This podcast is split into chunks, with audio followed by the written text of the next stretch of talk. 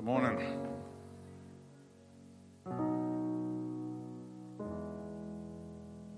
It's wonderful when God sets you up.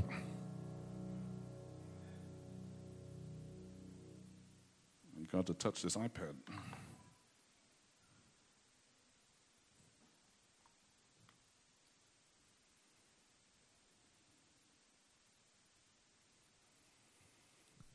All right. God is good.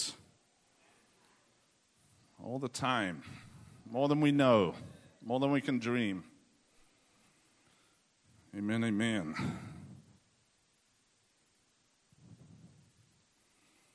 So, God is obviously here this morning. It's exciting to see Him really start moving on us out of last week's message as God began to really challenge us on what faith really is and how, as we looked at Gideon, we looked at a man who didn't know God. Uh, he said he heard of him, and when God said, Hey, I'm with you and I'm going to deliver you, or deliver your pe- my people through you, he was like, What do you mean God's with us? Because I heard about him back in Egypt and how he delivered us with miracles, but I don't see any miracles here.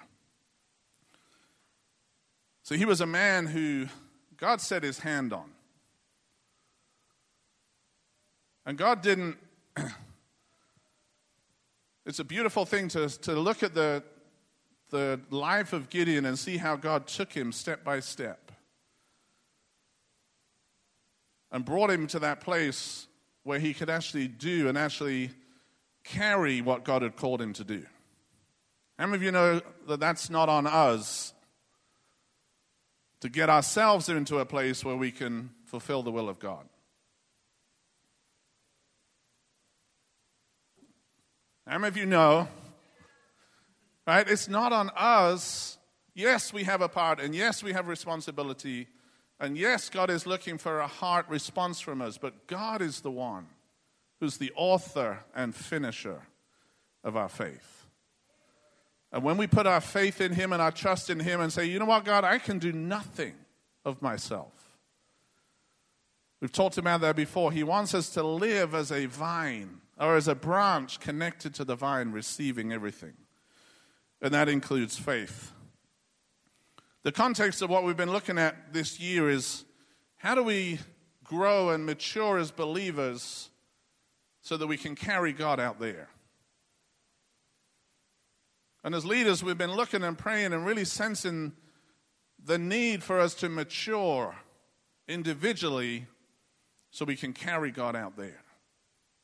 How many of you know God's heart is not just for us in here? God is passionate about us, but He is passionate about those that are out there that don't know Him yet. And so, as we grow as believers, as we mature, He wants us to be rooted and grounded in the kingdom. Rooted and grounded so when the winds start coming, our roots are deep and solid. We're not swayed. We may shake a little bit, but we're rooted in Him because of the times we've spent with Him and how well we know Him. But as we get rooted and grounded in the kingdom, every interaction in the kingdom is by faith. Let me say that again. Every interaction in the kingdom is by faith. Even our, sal- our salvation is by grace through faith. Absolute free gift. But if you don't receive it by faith, it doesn't profit you very much. Your identity in Christ, all that God did as He moved you from one kingdom to another, as He adopted you as a son and as a daughter, as He raised you with Him and made you sit with Him in the heavenly places. Free gift. But unless we begin to believe it, it has very little effect on our lives. And as we've been talking over the last couple of weeks, and as other people come in the next few weeks to talk about faith, I believe God wants to make faith accessible to us. If you're like me, faith for many years was just this weird kind of thing. I knew I had to have it, but I didn't quite know how to get it, and I didn't quite know what it was. And God wants to bring it close to us and root us in faith and give us the gift of faith and nurture our faith as He did with Gideon. So, we've been looking over the last few weeks on what is faith. And we recognize that faith is being so convinced of a person that we begin to be changed and begin to rely on that person in a whole new way, even when we don't see it. Faith operates outside of our sight. We don't walk by sight, we walk by faith. It's a reality that you can't see, but it becomes so real to you through faith that it's a concrete reality you build your life upon. And it's more real than what we see around us. God's presence with me, I don't have to doubt that. I don't have to shabba and put on worship music and everything because by faith I know that He's with me. I, by faith, I know more than I can see this that I have free access into His presence whenever I want to. I can live in His presence because by faith it's more real than my feelings. When I wake up in the morning and I'm tired, faith kicks in and says, No, I may not feel it, but I know it. I have free access into His presence. God is right with me. And this whole realm of faith becomes so real that it's more concrete than what we can see in our natural realm. There are kind of two types of faith. The first is just understanding this unseen realm that we live in, the spiritual realm, the truths, the reality of that, of all that God did and all that He is. But the second part of faith is to be absolutely convinced that that unseen realm is going to touch this seen realm. And when there is sickness in someone's body, that unseen realm is greater and it's going to destroy the power of that sickness. When there are demons attacking, attacking people, that unseen realm is going to lift them off and break their power and set that person free. So there's these two areas. One, this understanding this unseen realm and who God is and what He says and everything He said in His Word and everything He's given us by grace. And as we grow in that, then we begin to say, you know what? It's not just that. It's not just for me, it's for those around me. And to see God breaking into their lives. And we saw that faith, there's no such thing as blind faith. You hear that a lot, right? Faith is not blind. Faith is fixed on a person, on a reality, on a person who is so good and so powerful and so incredible. Man, I don't need, I need blind faith. I need faith in Him. I want to fix my eyes on Him. See Him, understand Him, know Him, touch Him, hear Him, and understand what He wants to do through you and through me. So we looked at Gideon, we looked at Israel who were crying out because they'd sinned, they'd gone away, and God had forsaken them for a season to have them turn back to Him. And He had allowed the Midianites to come and destroy them and put a yoke on them. They were hiding in their caves, and Gideon was threshing wheat in the wine press. And God turned up angel of the Lord, a Christophany. This was Jesus Christ appearing to Gideon. It says, The Lord is with you, you mighty man of valor. Huh? What? Dude, where have you come from? Do you not see what's happening around here? But when God speaks, everything changes. God speaks about those things that we cannot see as if they were, because they are in Him. So, the first step for Gideon in this journey of faith that he went on, the first step was to meet with God, for God to encounter him. The second step was for him to begin to hear, not just with his ears, but with his spirit, man, with his heart, what God was saying was really true. And he wrestled with that because his eyes were on this natural realm and what was he could see in the natural, but God was beginning to speak to him about the spiritual realm. A reality far greater. But it took him a while to hear deep in his heart. Faith doesn't operate up here. Faith operates in your spirit, man. Because you begin to hear and you begin to see, and revelation begins to come, and you begin to live out of that revelation that says, I don't care what I see with my physical eyes, I am seeing something in the spirit that is greater, that is more powerful, and it is going to change what's happening in the, in the natural realm.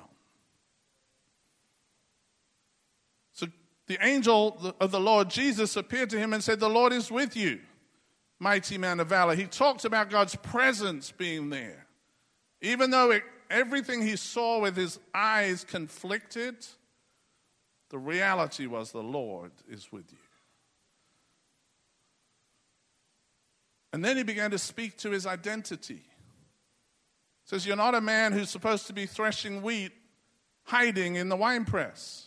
I've made you a mighty man of valor. And because I'm with you, you can become who you really are. How many of you know that we need God to say that to us?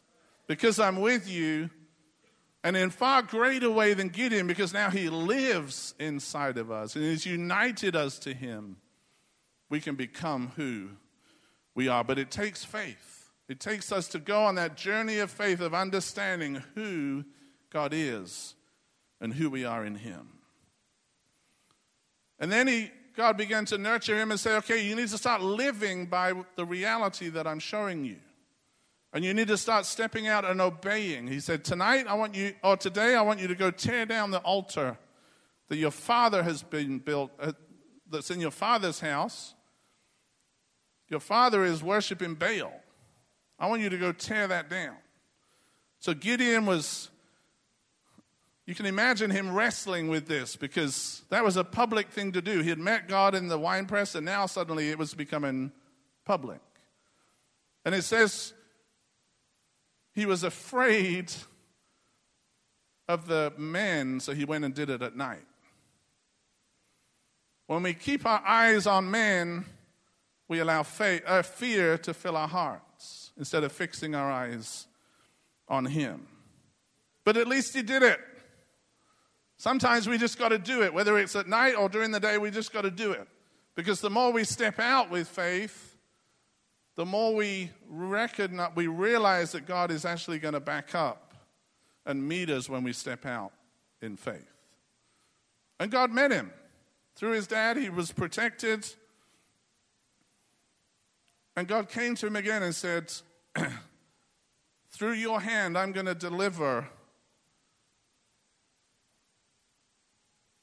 my people, and you shall defeat the Midians as one man. Surely I will be with you. When God is in the mix, everything changes.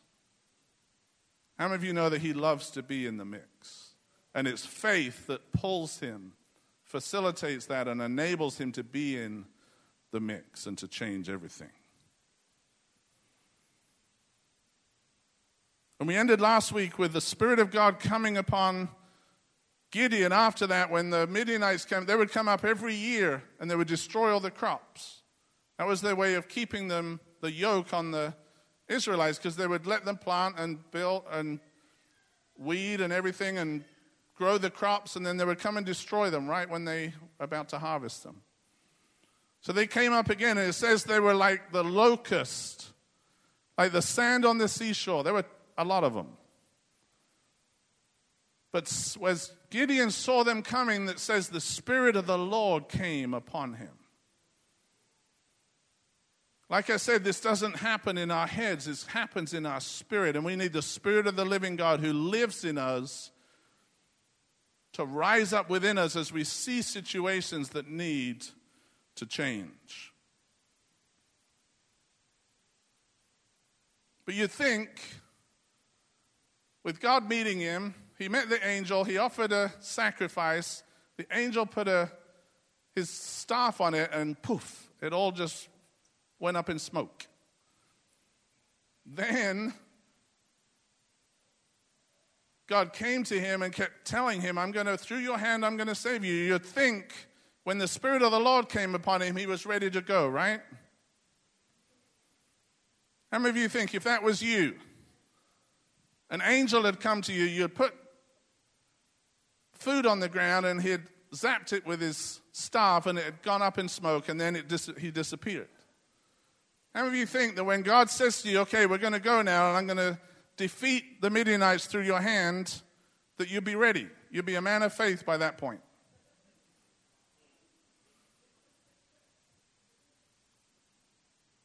Gideon was like, um, excuse me, excuse me, Lord, can I ask one thing, please?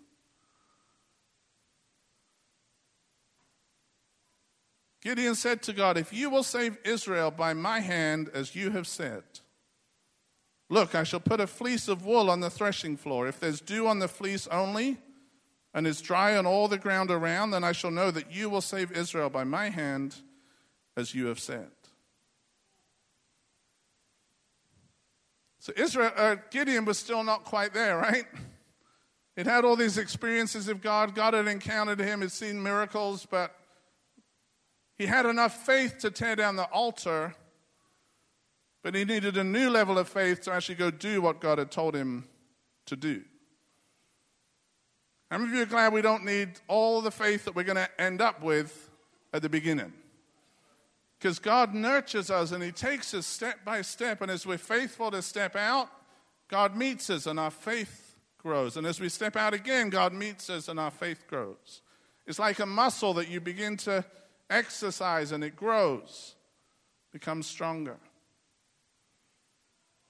And Gideon was faced with this dilemma because he'd encountered God and he'd seen all these miracles. And yet then he recognized, realized that it was actually him that God wanted to use. If you will save Israel by my hand, as you have said. He knew God had spoken to him. He knew what God wanted to do, but when it actually came to God using him instead of somebody else, he was like, whoa, wait a minute. How many of us feel like that? If there's a demon that needs to call, be cast out, let's call Paul Kidd. Because I know God wants to do it. I know God can do it. But when it comes to me, God using me, we're like, whoa, Paul, here you go. right? And God wants to meet us just as He did Gideon because He wants to use you. He wants to use me. As we go out, He doesn't want to send Scott to your workplace. God wants to say you to your workplace. He's already sent you to your workplace, and He wants to meet you and nurture you in your faith so that you become more and more confident in Him so when he tells you to do something, you don't have fear that, about what's going to happen. And the beautiful thing I love about Jesus, when Gideon says, You know what? I still don't have enough faith. Can, I, can you just give me a sign, please? Jesus says, Sure. Don't you love that about him? Sure. He's not demanding that we measure up, he understands what it's like to walk by faith and He meets us where we need to be met. So God said, Sure. And when Gideon rose the next morning, the fleece was wet and everything around it was dry. I'd be like, Cool, let's go, right? What does Gideon say?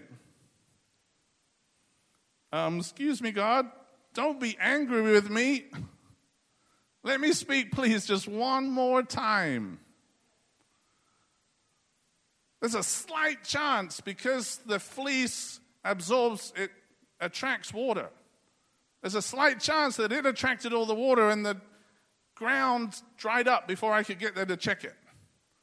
So there's a little bit of a chance that this wasn't actually you.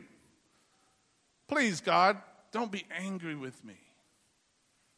Again, Jesus was so compassionate and met him and said, Okay.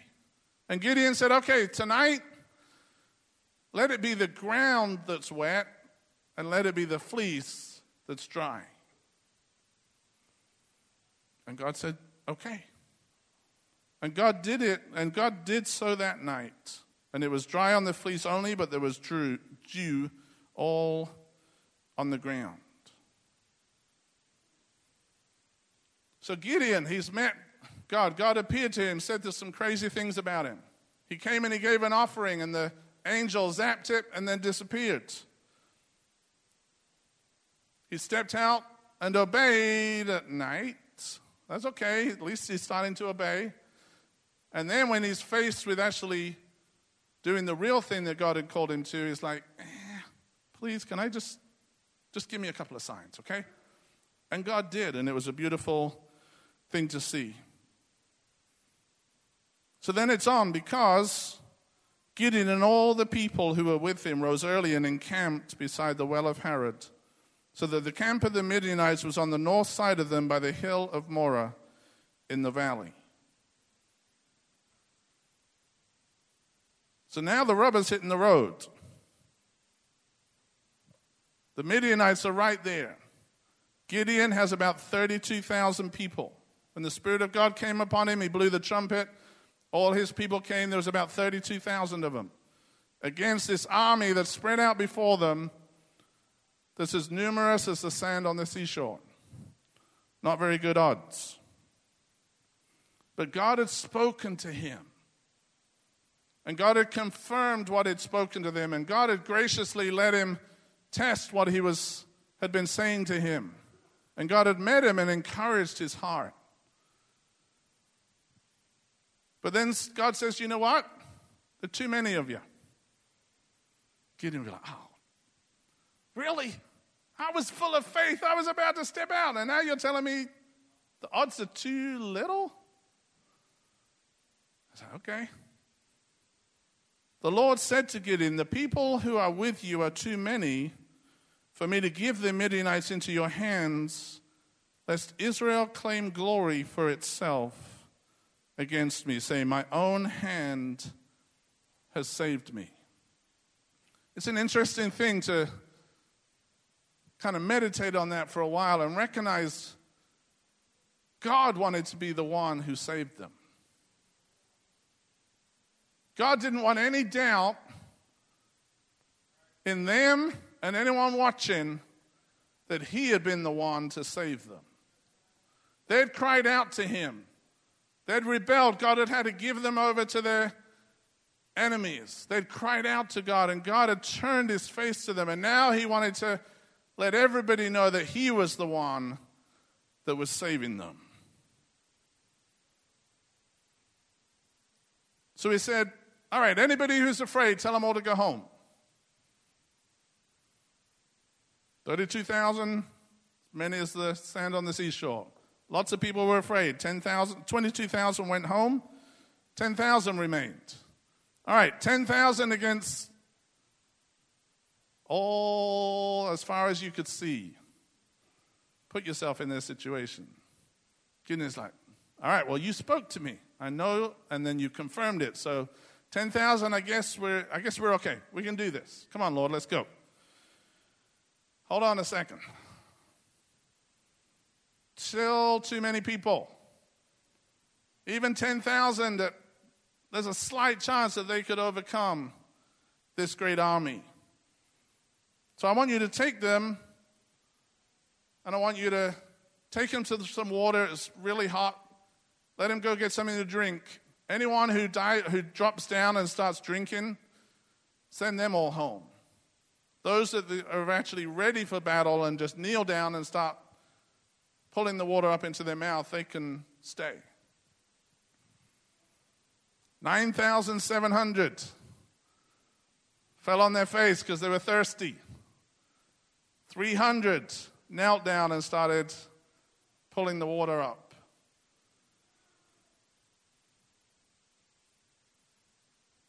Imagine if you were Gideon. Now it's down to 300. 300 people, and you look out, and there is no end in sight to all the Midianites that have come up against you. How many of you think, even though you've met the angel of the Lord himself, he's nuked the food, then disappeared, he's caused the fleece to be wet and the ground to be dry, and then he's caused the fleece to be dry and the ground to be wet? How many of you know as you're about to step out with just 300 people facing all this army below you, that maybe your faith is going to shake a little bit? Obviously, not any of you. Mine would probably a little bit. But the Lord speaks again. How many of you are grateful that God is a God who speaks? He is a God who never stops speaking. The Lord said to Gideon, By the 300 men who lapped, I will save you.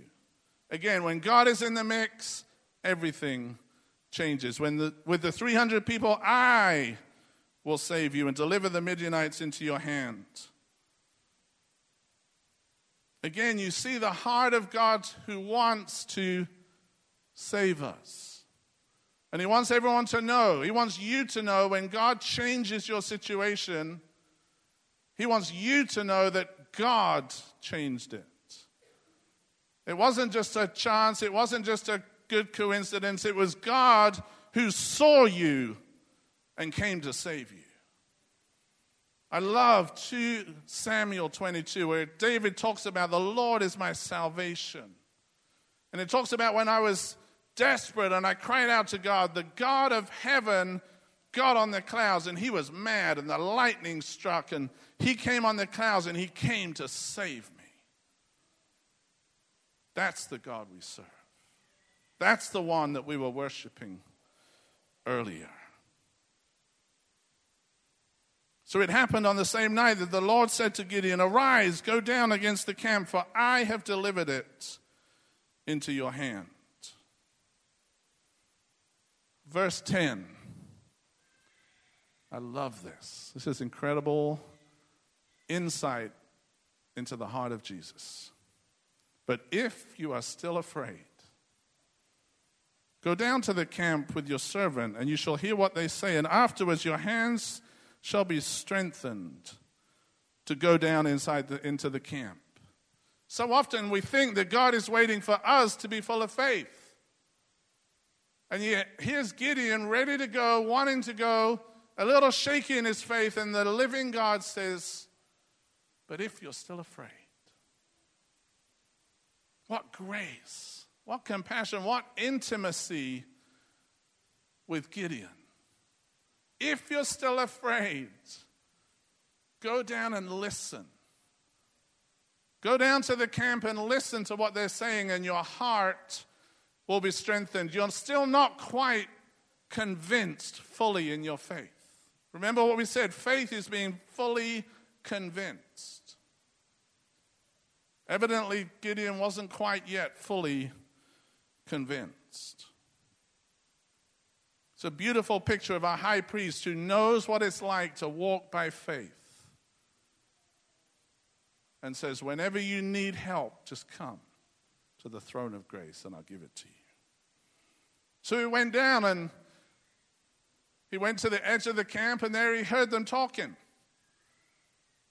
And the guy had obviously just woken up and he said, I had a dream. To my surprise, a loaf of barley bread tumbled into the camp of Midian. It came to a tent and struck it so that it fell and overturned, and the tent collapsed.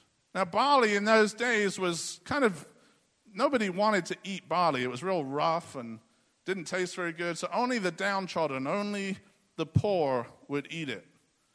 You can see how it kind of reflects who Gideon is, hiding in the winepress. Then his companion answered, and this is the enemy. This is the enemy in the camp. The guy wakes up and says, Dude, I just had a dream. This loaf of bread came tumbling down and took out this tent.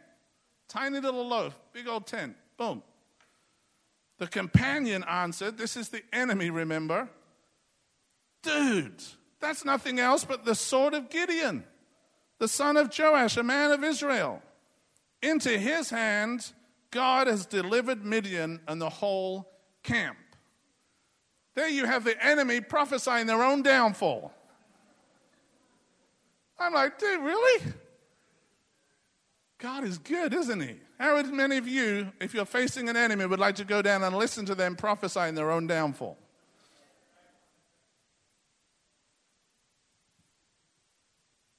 And so it was. Can you bring up verse 15? So it was when Gideon heard the telling of the dream and its interpretation that he worshiped. Isn't that beautiful? He was like, oh my gosh, God, you are absolutely incredible.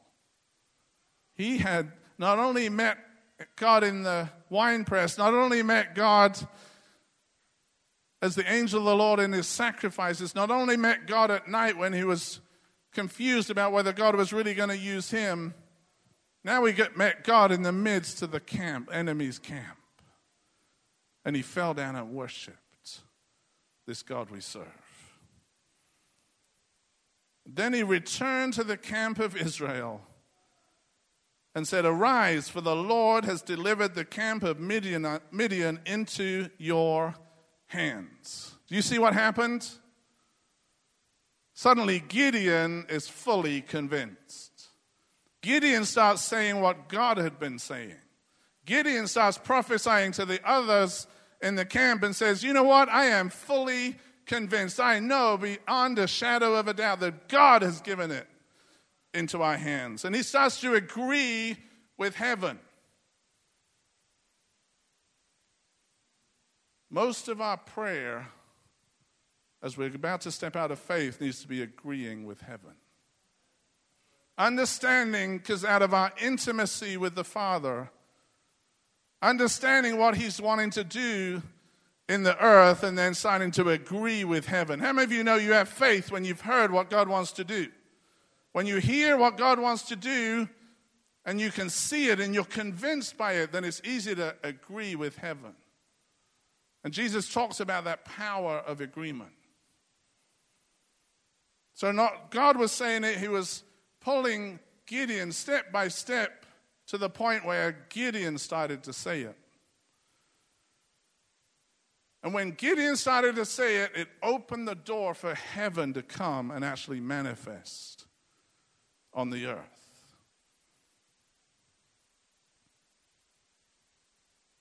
So he divided. It's, Gideon was like, Come on, guys, we got this now. They got their torches, they put things over the top, they divide into three companies.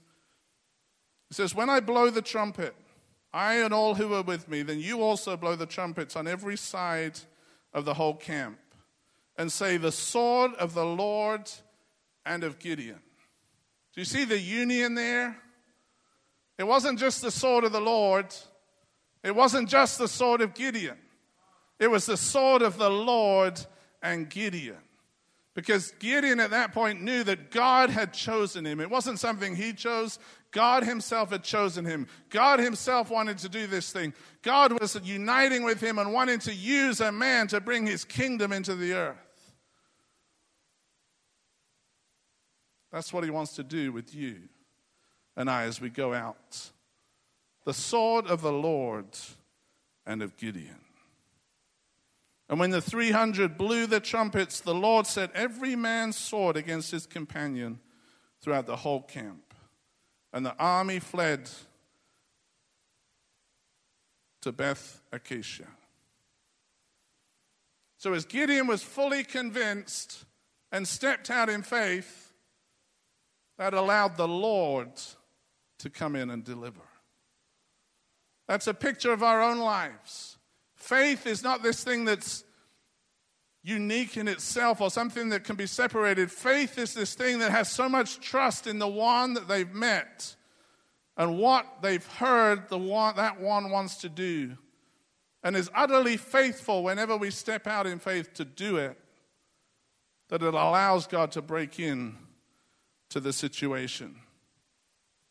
Although Gideon came to a place of faith, it wasn't his faith that was remarkable, it was the one he had faith in that was remarkable.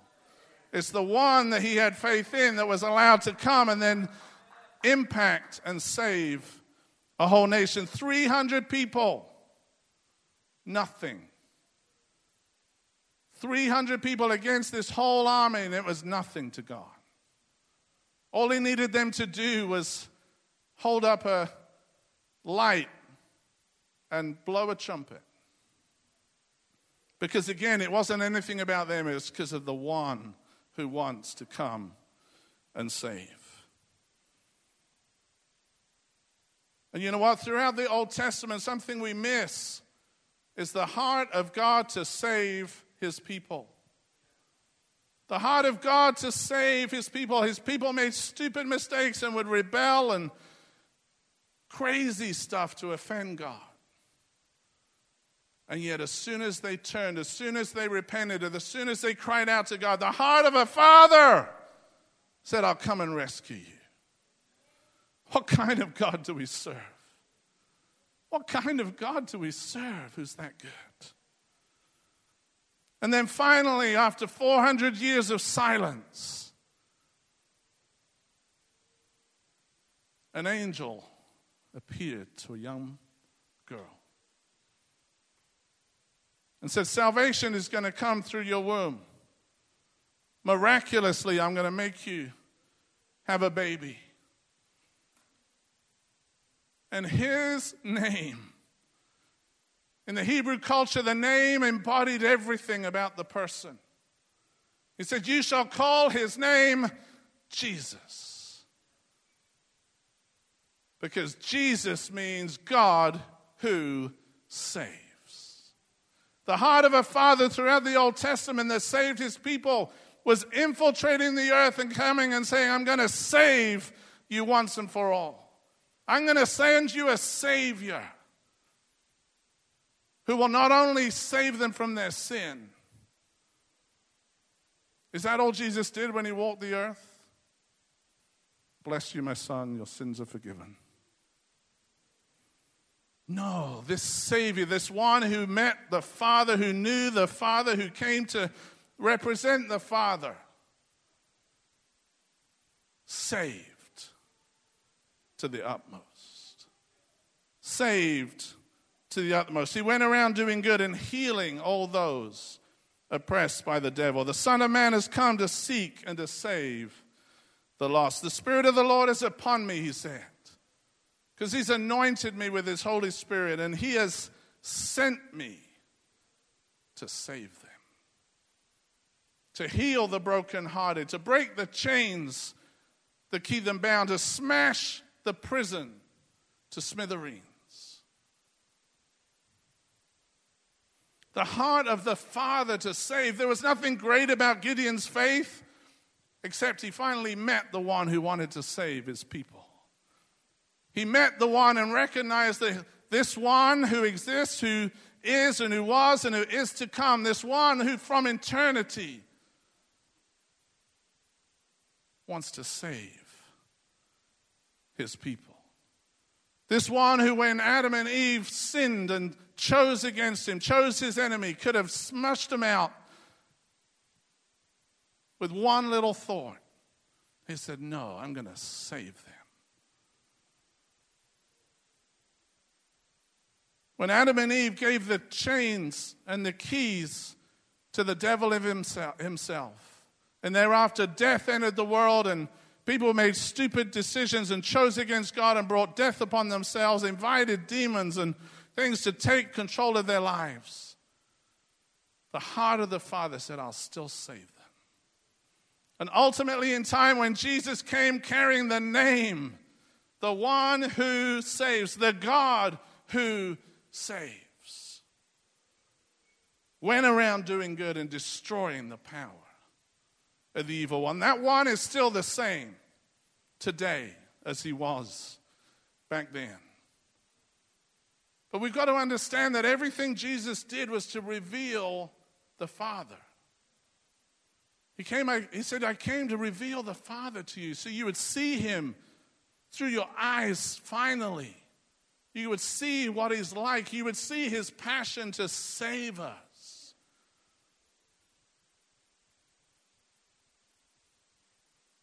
You imagine Jesus, we taught several weeks ago about this, his source being the Father.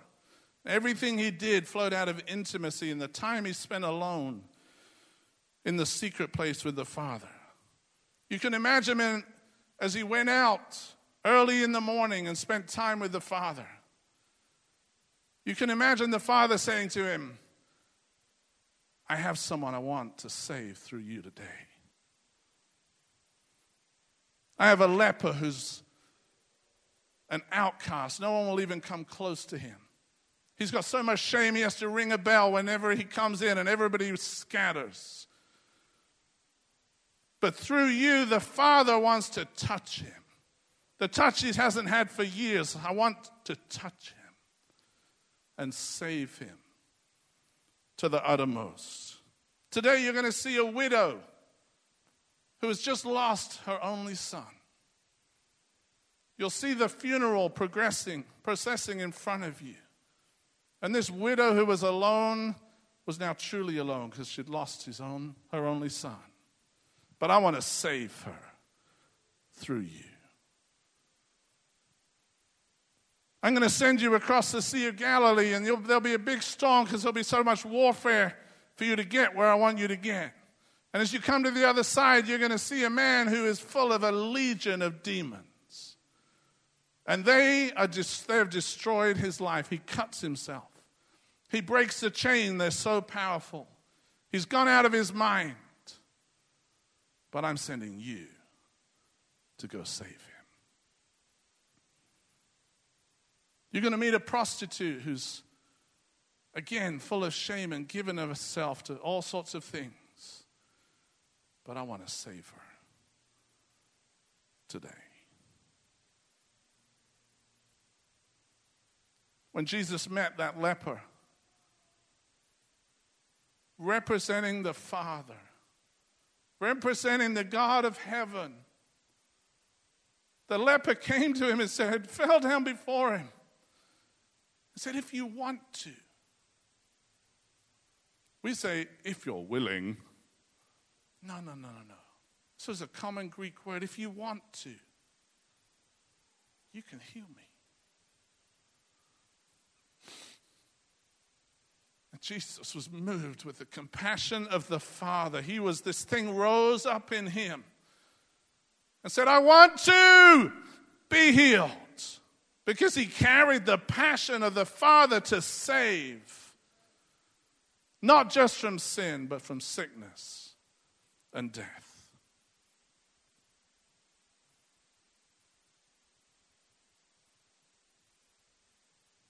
Do you see him this morning? Do you see this incredible Father who saved his people through Gideon, saved his people after they rebelled over and over and over again? Do you see the heart of a Father who aches for the foolish choices his children have made and ultimately becomes one of them to save them to the uttermost?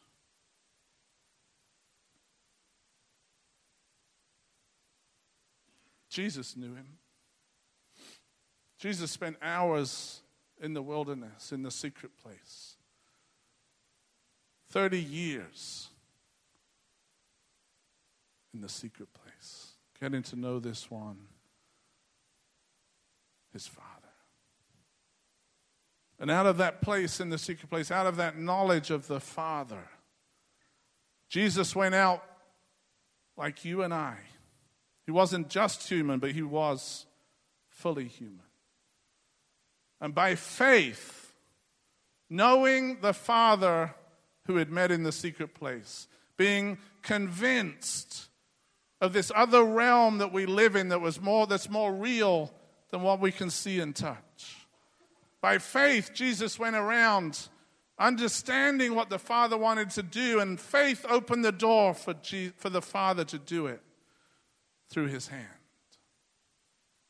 He really is the author and finisher of our faith. He really is the one who modeled and the firstborn son of many brothers. He's, God has actually predestined us. That's the good news this morning. In the same way that the, Jesus knew the Father and did everything by faith, We read in Romans a few weeks ago that God has predestined you and I to have the same source and do the same things. To have the same source and do the same things. Because it's not about faith. It is about faith, but it's not. When you isolate faith and try and look at it, and you lose the one you're believing in. Yes, let's ask God to increase our faith, but let's fix our eyes on Him who produces our faith. When, when you see the Father and His passion to save, then when you get to step out and God whispers into your spirit, I want to save this one. When you're in the secret place yourself one morning and God whispers to you about the person you're going to meet today at your work. And He whispers things that you could not know in the natural. And He says, Through you, I want to save them. I want you to say this to them. Or I want you to lay hands on them. I want you to introduce me to them. Even not even saying any words, I want you to be me in how you live and react and respond to them. As you get to know him in the secret places, you understand the source of everything you have. If you touch his heart, so then you're equipped to go out. If you don't have enough faith, you can just come to her and say, Lord, I believe, help my unbelief. Help me like you did Gideon. Nurture my faith. Let me make, give me baby steps. But I want to become a man or a woman of faith.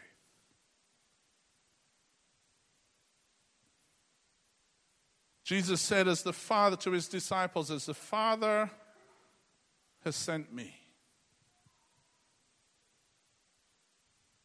As I've met him day by day in the secret place, as he first sent me from heaven, but then I met him day by day in the secret place, and he sent me around every day to save those that needed saving. From their foolish choices, from the sin that they'd committed, from the demonic powers that had led into their lives and had overtaken them. From the things that had done, been done against them the Father wanted to save them. And as the Father sent me, so I send you.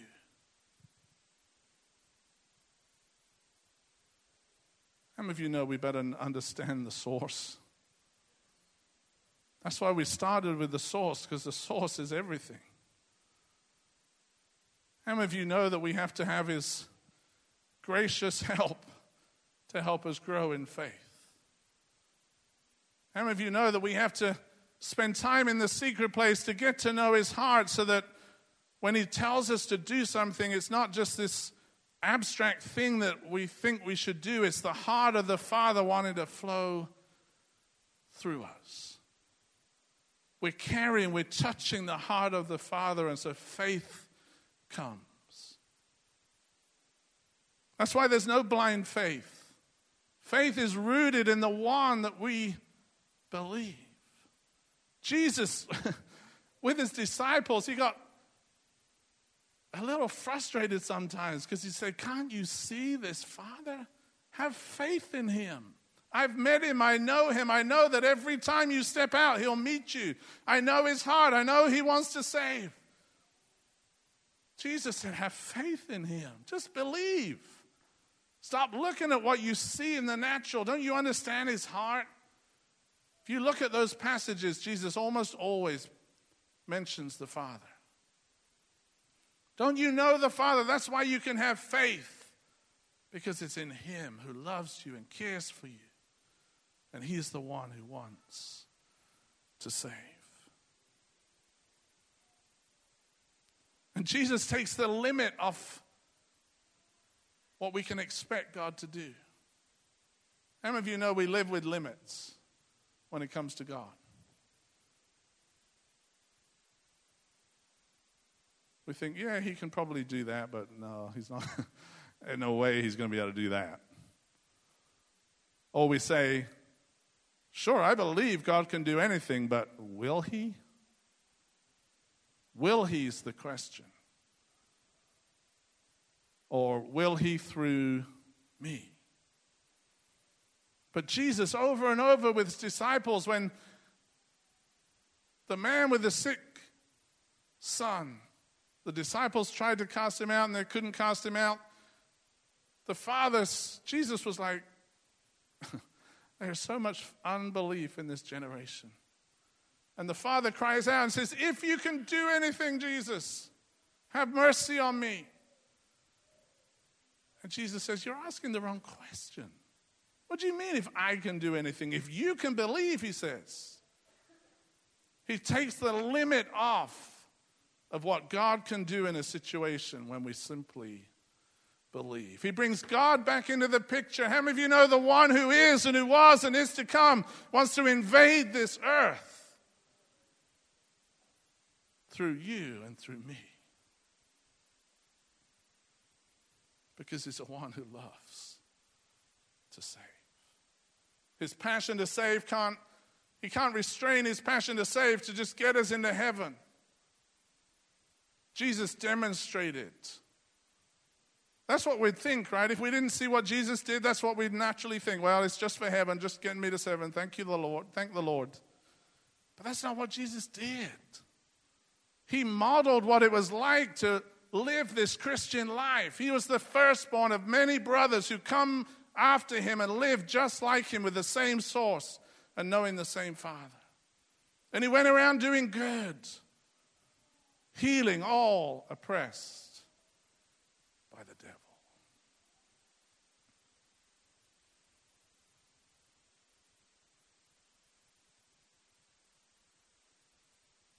Those that know their God will do great exploits. We look at David and we think, dude, man, how did he do that with Goliath? He knew his God. He spent hours and hours and hours with him in the secret place. He'd taken baby steps and baby steps and baby steps, killing the bear and the lion. So he knew his God and he knew, and God had grown his face. So when the Goliath came, he said, Who is this Philistine? Because he knew his God.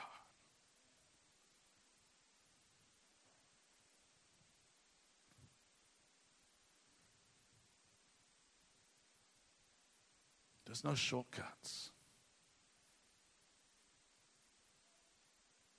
But we do have great high priest who's done it all before. We do have a throne of grace. Anytime we're short of faith, he says, Come.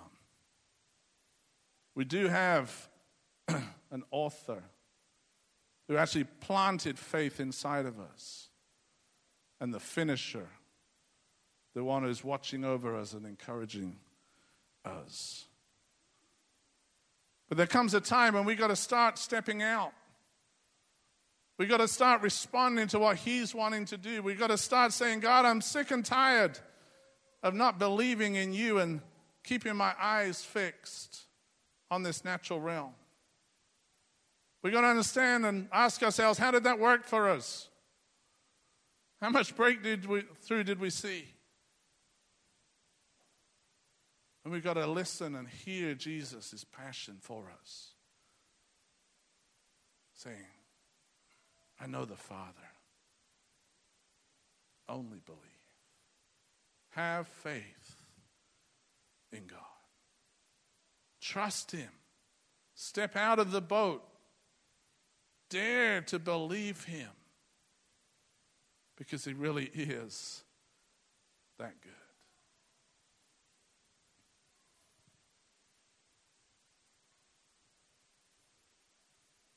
Last week we talked about when we finished.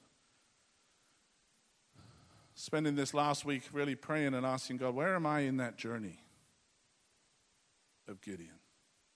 Have I met him? Have I heard him? Have I obeyed him? Are there still areas that I need to tear down altars I need to tear down in my life that God's been putting his finger on. But as we walk through that and as we are faithful to respond to God in that, God really does want to bring us to a place where we start to believe Him. Where we start to fix our eyes on the Father. We start to pull away and say, God, show me your heart for this particular situation. I'm going to dare to believe you. Despite what I see, despite the natural. Even if I dare to believe and it doesn't happen straight away. Some of you know you know how much faith you have when it doesn't happen straight away. Sometimes we have to go back to Jesus for more and say, It's not changing. Can you? I need more faith. But as we do that, our faith grows and we start to exercise this muscle through which everything happens in the kingdom.